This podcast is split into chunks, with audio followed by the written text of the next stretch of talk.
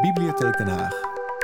Meer dan 750.000 boeken alleen. We beginnen met de nieuwe roman van een van de grootste talenten van Vlaanderen, van de Nederlandse literatuur. Ik denk dat zij de opvolger wordt van de generatie Tom Lanois. Zij is een erf uh, uh, uh, ja, in de voetsporen van, van Hugo Claus, van Louis Paul Boon, van, van Ostaaien, van die grote Belgische schrijvers. Saskia de Koster met haar nieuwe roman. Wat alleen wij horen. Wat alleen wij horen. Wie zijn, wie zijn die wij? Daar ga ik met haar over in gesprek. Geef haar een hartelijk applaus. Ja, Leno, hoort daar nog een soort van... Heb je nog Vlaamse muziek of zo? Heb je iets van Jacques Brel, Stromae? Heb je niks? Nee, hè? Nee, tamelijk onvoorbereid ben je naartoe gekomen. Het is je vergeven. We houden het spontaan, hè. Leno is al sinds jaren dag mijn strijdmakker eh, in, dit, uh, in deze georganiseerde chaos die Literatuur Late Night heet.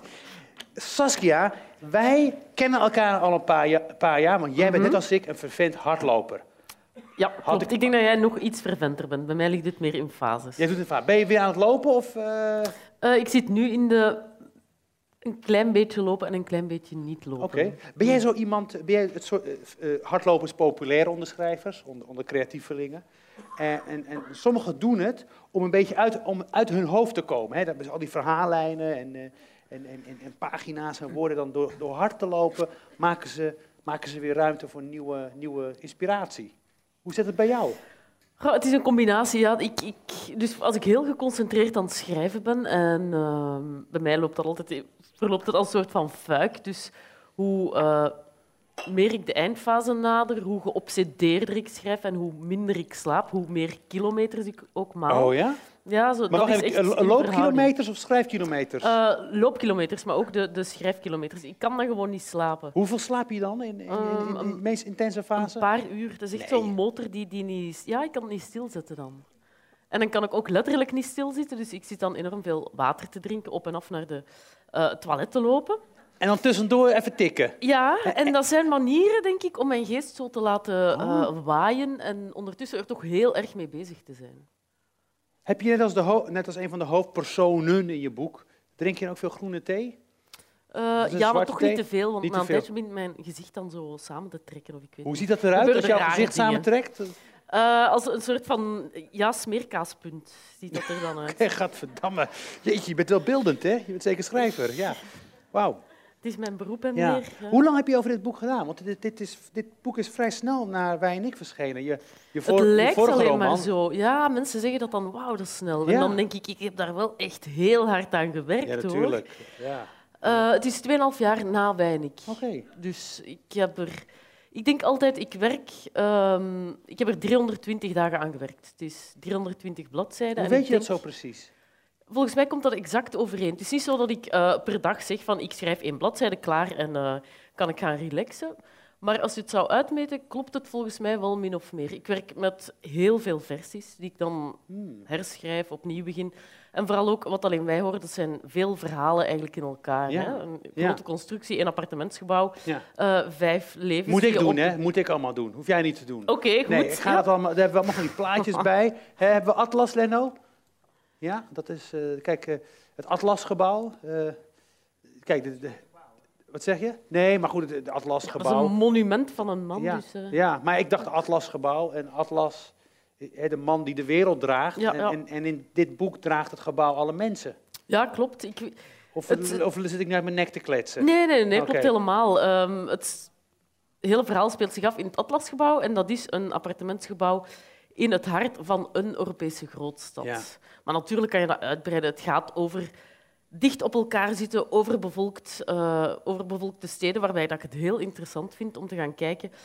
eh, wat doet zoiets met mensen? Met hoe meer je op elkaar zit, hoe meer iedereen zijn eigen kleine hoekje gaat opzoeken, Ja. zijn eigen privacy opzoekt. Wat dan weer leidt tot eh, mogelijk grotere eenzaamheid, Ja. maar tegelijkertijd ook een soort van samenhang, een solidariteit onder mensen die elkaar amper kennen. Maar dat vind ik het, het fascinerende. Proberen onderzoeken. A- in Afbakenen wat hè, is, is wel een thema in jouw werk. Dingen die zich afbakenen, mensen zich, zich afbakenen. Ja, grenzen aftasten vooral ook. Hè. Mensen die zeggen van, "Tja, ik hoor mijn buren, dan ga je onmiddellijk veronderstellen van, ik ken ze, ik ken hun leven, ik hoor dingen. En geluid is iets ongelooflijk indringends, eigenlijk iets heel intiems, wat ons opgedrongen kan worden. En waar we soms tegenin willen gaan van, oh, die geluiden, ik wil ze niet horen, het is mij te persoonlijk bijvoorbeeld. Ehm, of je kan je buren elke dag dezelfde rituelen horen. Maak jij geluiden? Eh, mijn hond vooral, als ik aan Oké, Ja. oké.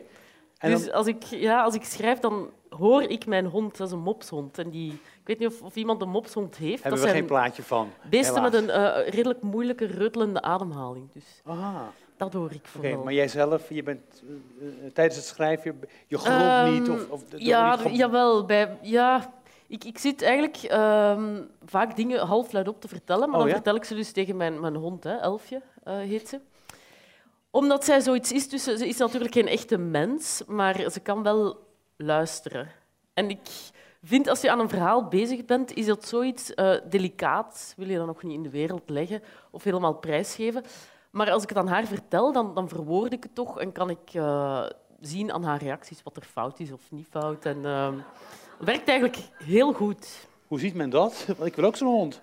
Ja, kijk, eh, dat is een geheim genootschap van schrijvers die mopshonden hebben. Connie heeft er ook een, denk Ah ja, oké. Nou, ik kom zo bij Connie. Ja. dat is een geheim. Mocht dat eigenlijk niet prijsgeven, jullie hebben veel natuurlijk. gemeen. Ja. Ehm, nou, wij zijn natuurlijk, ja, wat wij horen, alleen wat, ja, wat alleen wij horen. Ehm, ik heb een plaatje van het Panopticum. Eh, dat- ik, dat, dat schoot met de binnen tijdens het lezen, want het, het is dat gebouw, hè. Iedereen kijkt naar elkaar, eh, of men bespiedt elkaar, of men ziet elkaar. Het hele, het, niet alleen horen, maar ook kijken is een centraal thema. Men het is surveillance, het is observeren, het is bewaken. Ehm, nou, dat grijpt terug op eh, het idee van Bentham, van dat je een al, alziend oog zou kunnen maken. Ja. Eigenlijk de uitvinding van de, van de moderne camera. Ja, absoluut. En dat is ook iets eh, geweldigs aan schrijven natuurlijk. Hè, dat je in woorden een heel overzicht kan geven. En hier heb ik ook het beeld gebruikt van de oerverteller eigenlijk, of de meest primaire vorm. eh, een dier dat spreekt, zou je kunnen zeggen. De, de echte verteller, niet dat hij zo'n gigantisch grote rol heeft in, in een aantal woorden, maar dat is eh, een bende parkieten die neerstrijken in de stad. Die kijken naar het gebouw, die kunnen inzoomen, die kunnen beslissen Ja. van kijk, nu volgen we even dit, het kibbelend koppel. eh, Waarom de parkieten? Waarom, niet, waarom niet de hond? Nee, omdat parkieten, eh, een vogel is natuurlijk ook die, die kan terug vertrekken. Op, hij kan gewoon beslissen van oké, nu gaan we verder naar het volgende. Er zijn nog zoveel verhalen. En dat is eigenlijk heel eh, belangrijk hier, dat er een hele keten is van levens en van verhalen die we zelf construeren. Dat iedereen in zijn leven dat heel erg nodig heeft. Dat, ik denk, ehm allee, mensen zeggen zo van het oudste beroep ter wereld eh, is iets, iets onwelvoegelijks. Maar ik denk Dat eigenlijk dat dat prostituee. prostituee, Ja. maar ik denk dat het verhalen vertellen is. Ja. Dat dat eigenlijk is wat ons allemaal eh, mens maakt. Ja. Dat we dat altijd zullen nodig hebben ook. Dus Ja. voor mij is dat het, het krachtigste wat er is. En je kan dat in veel vormen hebben. Hè. Bijvoorbeeld in een appartementsgebouw is iets heel simpels. Ehm buurvrouwen die elkaar aanstoten. Zeg, heb je het gehoord? En ze Roddelen. beginnen te roddelen. En roddelen is eigenlijk ehm, ook iets heel positiefs, iets heel eh bindends. Het, het, een soort van lijm die mensen samenbrengt. En hen even het gevoel geeft van we zijn een groep, we delen iets. ehm. dus dat zit er Mhm. Is- is dat- ook al tussen mensen die elkaar helemaal niet zo goed Jij, kennen. weet, jij woont, als, als ik het goed heb, goed heb, zelf in de binnenstad van Antwerpen. Ja. Ehm, eh, het grote vraagstuk van die grote cosmopolitische steden die steeds maar groter worden, de anoniemeling, is natuurlijk het verlies van sociale cohesie. Mm. Hoe, hoe ervaar jij dat voor jezelf?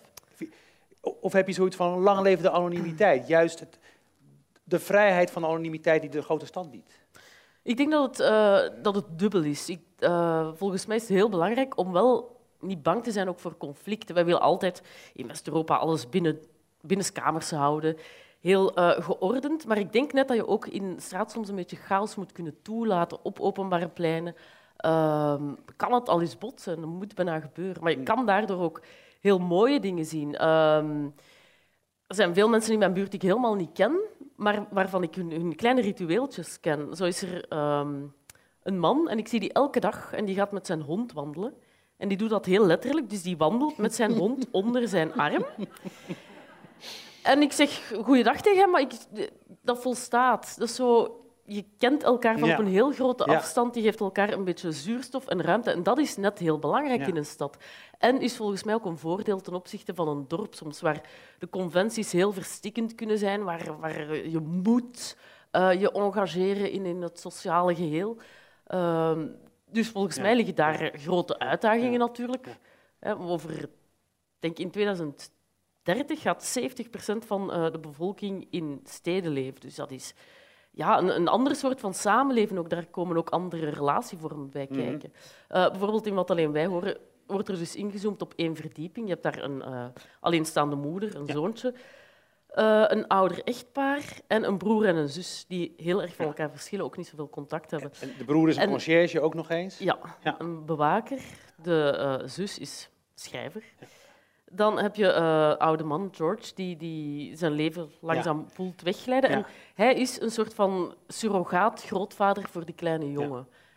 Eh, Die jongen zegt, eh, Klaus is die jongen, die zegt opa tegen hem. En eigenlijk is dat mooi, vinden ze alle twee heel belangrijk. Ook al weten ze, we hebben biologisch gezien geen band. Maar toch ontstaat daar Om iets heel in die nabijheid en nemen de generaties ook een rol in. Zo lijkt het wel. Ja, Juist, en dat, dat is misschien ook de vrijheid die de grote stad biedt.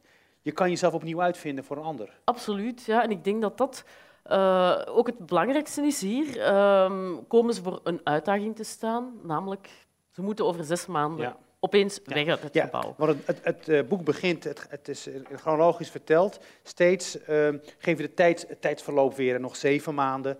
Dan een aantal hoofdstukken waarin je kriskras door, het- door het appartementencomplex gaat.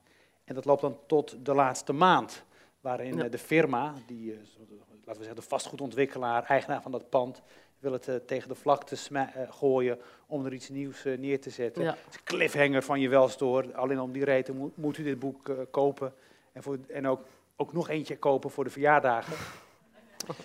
Ehm, maar die George vind vind ik een intrigerend figuur, wat oudere man, getrouwd met een Nigeriaanse vrouw. Ja. De, de verpleegster die, die aan zijn bed staat als hij ontwaakt uit coma. En dat is wel echt een hartverscheurend verhaal. Hè. Hij, hij werkt op een boorplatform Mhm. voor de, in West-Afrika. En eh, ontmoet op een dag een hele mooie Nigeriaanse vrouw. Die blijkt eigenlijk getrouwd te zijn, zangeres. Wordt verliefd op haar.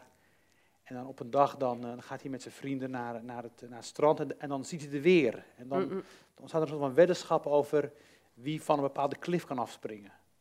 Kan je het verhaal voor me afmaken? Eh, ja, en hij voelt zich, gewoon omdat hij zodanig overweldigd is door, door die vrouw, zegt hij van ik doe... Allee, dat is zoiets, je verlegt je grenzen soms gewoon door eh, dat dingen veranderen, door, ik denk dat verlangen een enorme drijfveer is, een echte motor in de grote dingen van, de grote vragen van ons leven. Dus hij overstijgt daar zichzelf, hij Ja. springt van die Want klif. het is helemaal geen held van beroep. Nee, absoluut niet. Ja. Ja, hij is een beetje een, een vlierenfluiter, iemand die de wereld wel Ja. kent. En hij, en hij neemt alles op. Hij, hij, hij, Ja, hij- hij- op een tape recorder. Hij, heeft, eh, hij verzamelt cassettes, hij spreekt zijn eigen leven eigenlijk in.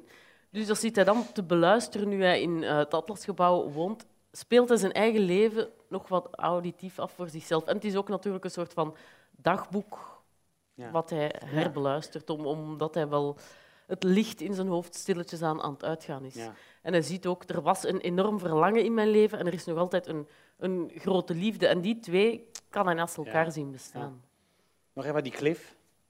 Ja, die klif. Ja, ehm, dus hij springt daaraf, maar eh, dat loopt slecht af en, en hij komt in een coma terecht. Hij doet dat eigenlijk voor haar, hè? Voor hij die, doet voor het die voor grote in- geliefde. om indruk te en dan maken. springt hij, natuurlijk. hij Ja. de grootste daad, verzetsdaad uit zijn leven, zou je kunnen zeggen. Ja, Hij overstijgt daarmee dat, dat gewone. Ja, dan- en dan ja, komt hij in het, het eh, de diepe, donkere oceaan van een coma terecht. En als hij ontwaakt, is hij verdwenen, is hij er niet meer. Dat is eh, ja, het, het vrede lot dat, eh, dat dus echt wel... Waar haal jij je verhalen vandaan? Maar dit is een verhaal dat ik ehm, deels ja, dat van die cliff en, en zo heb ik verzonnen, maar ik heb het wel gehoord dat iemand eh, in coma belandde en dat hij dan wakker werd en zijn geliefde was verdwenen gewoon. Oké. Omdat, ja, omdat iedereen dan zijn keuzes maakt. Hè, dat is het. Als er veranderingen zijn, kan iets ehm onnozels zijn als een verhuis. Ja. Mensen worden met zichzelf geconfronteerd. En we hebben in onszelf allemaal, denk ik, zoveel blinde vlekken. Dingen waarvan je nooit op voorhand kan weten, zo ga ik reageren, dit zal ik doen. Ook al pretenderen we dat we dat Mm. heel goed weten. En ik ken mezelf en ik ben mezelf en zo. Ik denk dat je dat nooit echt kan zeggen. Ehm, en dat vind ik de interessante afwegingen ook, omdat er zoveel parallele sporen en stemmen in ons hoofd zijn. En wanneer zet je welke stem in of, of eh, Ja. luister je naar welke? Is, is, is, dat, is dat ook de reden waarom je uiteindelijk toch hebt gekozen om van het schrijven je, je, je métier te maken? Want je, doet, je, je kan heel veel, hè? je bent beeldkunstenaar, eh, videokunst, eh, hardlopen, je voedt een dochter op. In jij echt- sorry, ik voed een dochter op Ja, inmiddels. projectie. Maar ja, ja precies, projectie, ja. ja zoon. Ehm, eh, de kracht van het vertellen, van het schrijven, is dat je al die stemmen die, in die polyfonie plek kan geven. ja, Gewoon ik- ja zeggen, want dan heb ik een plaatje bij. eh, goh, zeg, ik hou niet van gehoorzamen. maar, Oh nee, oké, eh, dan, ja. eh, dan, dan doe je ding. Doe dan maar gewoon je ding. Nee, ja. Ik ben soms graag een dictator in mijn boeken, maar nu ben ik heel gehoorzaam. Oh, oké, Ja, goed. Maar ben je ook in het dagelijks leven een dictator? Nee, Nee, ik ben hier toch... Heel relaxed. Volgens ja, mij ben je ja. best wel chill, best wel relaxed. Ehm, ja, maar ik, ik vind in, in het schrijven, daar, daar sluit je geen compromissen en dan... Ja, Verander je ook pers- als persoon tijdens het schrijfproces? Dan jouw Ja. partner, je vriendin, ziet, dat, ziet hij dan een andere vrouw? Ehm, ik denk dat ik eigenlijk een soort van, van wegglijd in mijn verhaal, dat ik veel minder besta. Ik hoor het ook aan, aan reacties van de weinige mensen die ik dan nog zie, van jij bent heel afwezig, je bent er niet. En dat klopt ook wel, omdat ik in mijn verhaal zit Ja. en dat ik daar... eh, ja, dan kan ik ontzettend gelukkig zijn ook. Ja. Gewoon door daar Ja. Te bestaan. Of eigenlijk, Ja. ja. het is een, een vorm van... Ik denk dat, dat je dat een beetje kan ervaren, ook als je echt in een, in een boek zit dat je aan het lezen bent, Ja. of een film Ja. aan het bekijken bent. Dat je niet meer eh, heel de tijd in je eigen hoofd zit. Ja. Want dat is toch wel een opdracht voor ons als mensen om 24 uur per dag met onszelf in ons eigen hoofd te Dat is zitten. toch vermoeiend? Ja, dat is niet altijd zo makkelijk. dus, eh, En ook nog weinig slaap? Ja, dat is helemaal Ja. vervelend Je hebt, natuurlijk. je hebt die hond nog, hè? Dat, eh, dat helpt, hè, ja. honden. Ja. Het is heel grappig. Ik heb, ik heb geen enkele recensie van dit boek gelezen. Dat doe ik, dat doe, dat doe ik sinds twee weken niet meer. Daar heb ik geen tijd voor. Ja, ja, tuurlijk. Het luis verschonen. Maar ehm, het, het, ik was het aan het lezen en er zit, er zit iets in. Hè? En het, kijk, het thema van het gebouw en de mensen, dat, dat zien we in de literatuur terugkomen. Een van de allermooiste boeken die ik ken is van de, van de Franse schrijver Perec. Ja. Het leven en gebruiksaanwijzing. Kijk, daar is die man, ja, die hè, mooiste auteurskop ever natuurlijk. Geboren in Tunesië. En eh hele bijzondere eh, Ja, auteur. ja, eh, heel experimenteel. Dit, dit is misschien wel het meest toegankelijke boek. Maar het deed me vooral denken aan een andere roman die, ik, die meer dan tien jaar geleden uitkwam. Heeft toen heel veel indruk op mij gemaakt. Een onderschatte roman, echt, een grote Nederlandse roman. Wolfstonen van Herman Franke. Ah, nee, Ken jij die roman? Nee. Nou, het is ongelooflijk, want in jouw boek speelt een, eh, eh, dat, dat, eh, de, de ontzetting van het complex, van het gebouw, dat het weggaat, wordt begeleid door een geluid, hè? de, de Mhm. piep. En niemand weet, kan die piep lokaliseren. In Wolfstonen gaat het ook over een complex, ook over Mhm. een gebouw, met verschillende inwoners. En ook dat gebouw staat, on- staat onder, onder druk om eh, weggevaagd te worden. En ook in dat gebouw klinkt er een hele tijd een brom. Serieus? Ja, Oh, wat ben ik origineel. Maar originaliteit is ook zo overschat. Nee, maar het verbaast mij wel. Ik, ik, ik ken het boek Het is niet. zo, het, ik bedoel, ik, en, eh, ik, ik was net bij het eten eh, met Mira en, en Marcel. Ehm, zei Mira dat het in een recensie was genoemd. Dat boek van eh, Ah, Herman Frank. nou, Hij is, hij inmiddels overleden, te jong, Mm. criminoloog. En dit is, dit is echt een grote eh, Nederlandse roman. Waarin, eh, eigenlijk heel experimenteel, hè? Je- Je, neemt een gebouw en je gaat inzoomen op die mensen. Hè? Een beetje à la Hitchcock. eh, hoe heet die film? Rare Window. Ja. Ja. Ja, daar hebben we ook een foto van. Ja, toch een toeval. Ja, dat was, Ongelooflijk. eh, jongen, jongen. Ja, jij zegt het en hup, Dat is automatisch verbonden aan Ja, Google maar-. Kijk je, kijk je, ben je ook, heb je, woon je ook in een straat waar je naar in mensen leven kan kijken? Waar je, Ehm, ik heb in, in een appartementsgebouw gewoond. Zo van die lelijke gebouwen waar, eh, ja, waar je zelf bent, blij bent dat je erin woont en dat je er niet naar moet kijken van de buitenkant. Eh, en toen eh, had ik uitzicht op nog zo'n ander eh, appartementsgebouw. En ja, dan kan je eigenlijk ook weer bijna niet anders dan, dan in levens binnenkijken of een beetje gaan gluren. En daar is eh de kiem wel ontstaan van, van dit boek. ja. Door een Uit redelijk... nieuwsgierigheid. Ja, maar een, een, alleen meer concreet, een, echt een tragisch voorval. Ik keek uit op een man En ik kon echt, allee, die, die tonden ook, hij deed zijn gordijnen nooit dicht, dus dan, eh, dat is er om vragen natuurlijk. Maar hij had een heel, een heel keurig leven. Hij, hij ging niet werken, maar hij deed alles heel rustig op zijn gemakje. Hij leek eh, heel erg gezapig en een, een ontbijten, krantje lezen, boodschapjes En doen. dat, dat bekeek TV jij Ik bekeek dat. gefascineerd of, of geïrriteerd. Nee, Doe eens wat, man. Ja, gewoon zo van, oké, het werd behangpapier. Tot op een dag ik weer eh, ja, naar buiten keek en ik zie dat die man bij zijn raam staat en die gooit zijn been over het raam en die springt uit zijn raam en die heeft eh, zelfmoord gepleegd. Dus dat was een, dat was een enorme schok. Dat Gewoon heb je het- zien gebeuren? Ja, dat heb ik zien gebeuren. Gewoon dat alleen al, maar ook dan het besef dat inzinkt van... Je zit zo dicht op elkaar en je weet eigenlijk Ja, niks. niks. Je kan niet in hoofden binnenkijken. En ehm, De sprong komt ook terug in je roman. ja, er komen meer Ja. allemaal kleine eh, verhaaltjes. Wat deed dat met je, dat zien? Wa- Was je, was je van slag? Had je, eh, ging- Ja, wilde, je, wilde je helpen? Eh, maar het was te laat, dat was heel duidelijk. Dat er geen eh, hulp meer... Ja, dat is iets heel gruwelijks natuurlijk om te zien, maar ook heel schrijnend. Hè, want die man... Ja, die moet al een tijdje buiten zichzelf gestaan hebben. Je- Of ook als een buitenstaander naar zichzelf gekeken hebben. Hè, of ze gezegd hebben van dit Ja. leven... ehm, ik stap er letterlijk uit. En, en ja, dat is iets vreselijks. Vooral omdat je zo omgeven bent door anderen. En dat je zou denken van een hulpkreet kan gehoord worden, ook door mensen die je niet kennen. Hmm. En dat vind ik het, ja, dat is dan natuurlijk een soort van eh, verlies voor jezelf, hè, dat je dat niet, niet hoort of dat je daar toch heel de tijd zo dicht op hebt zitten kijken, maar niks gedaan, niet gehandeld.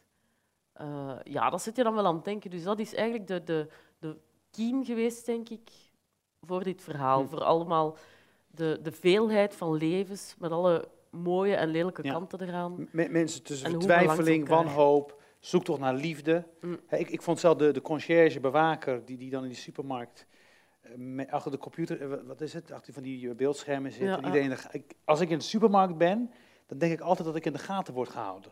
Ja, voilà. En dat klopt dus, dat is dus echt Ja, zo. ja, die, die kunnen echt inzoomen ook. Je hè. kunt echt inzoomen op je mobiele, mobiele telefoon. En kijken van eh, twee komkommer, half pak. Ja, Abdel, ja, die doen dat. En, en bij jou Die doen dat ook. Zeker. Bij mij doen ze dat zeker. Ja, Waarom bij mij? hangt af van hun... ehm, Nieuwsgierigheid. Ja, mate van nieuwsgierigheid, in hoeverre dat ze je kennen. Dat, gaan, dat ze gaan zeggen van, goh, die man koopt toch wel heel veel pampers. Ehm, Oh ja? Hoe weet je dat?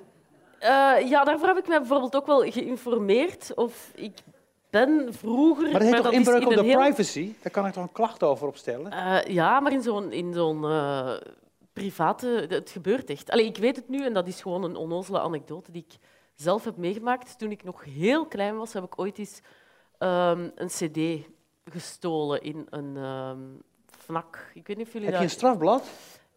Nee, dat is helemaal proper. Maar dus, ik werd dan op de schouders... Ik wou ermee naar buiten gaan en die Maar een goede, bewaker... cd, een goede cd. Ja, dat weet ik. Nee, ik vrees een heel slechte. Wat was het nu weer? Ehm, ja, Case Choice of zo. Verschrikkelijk.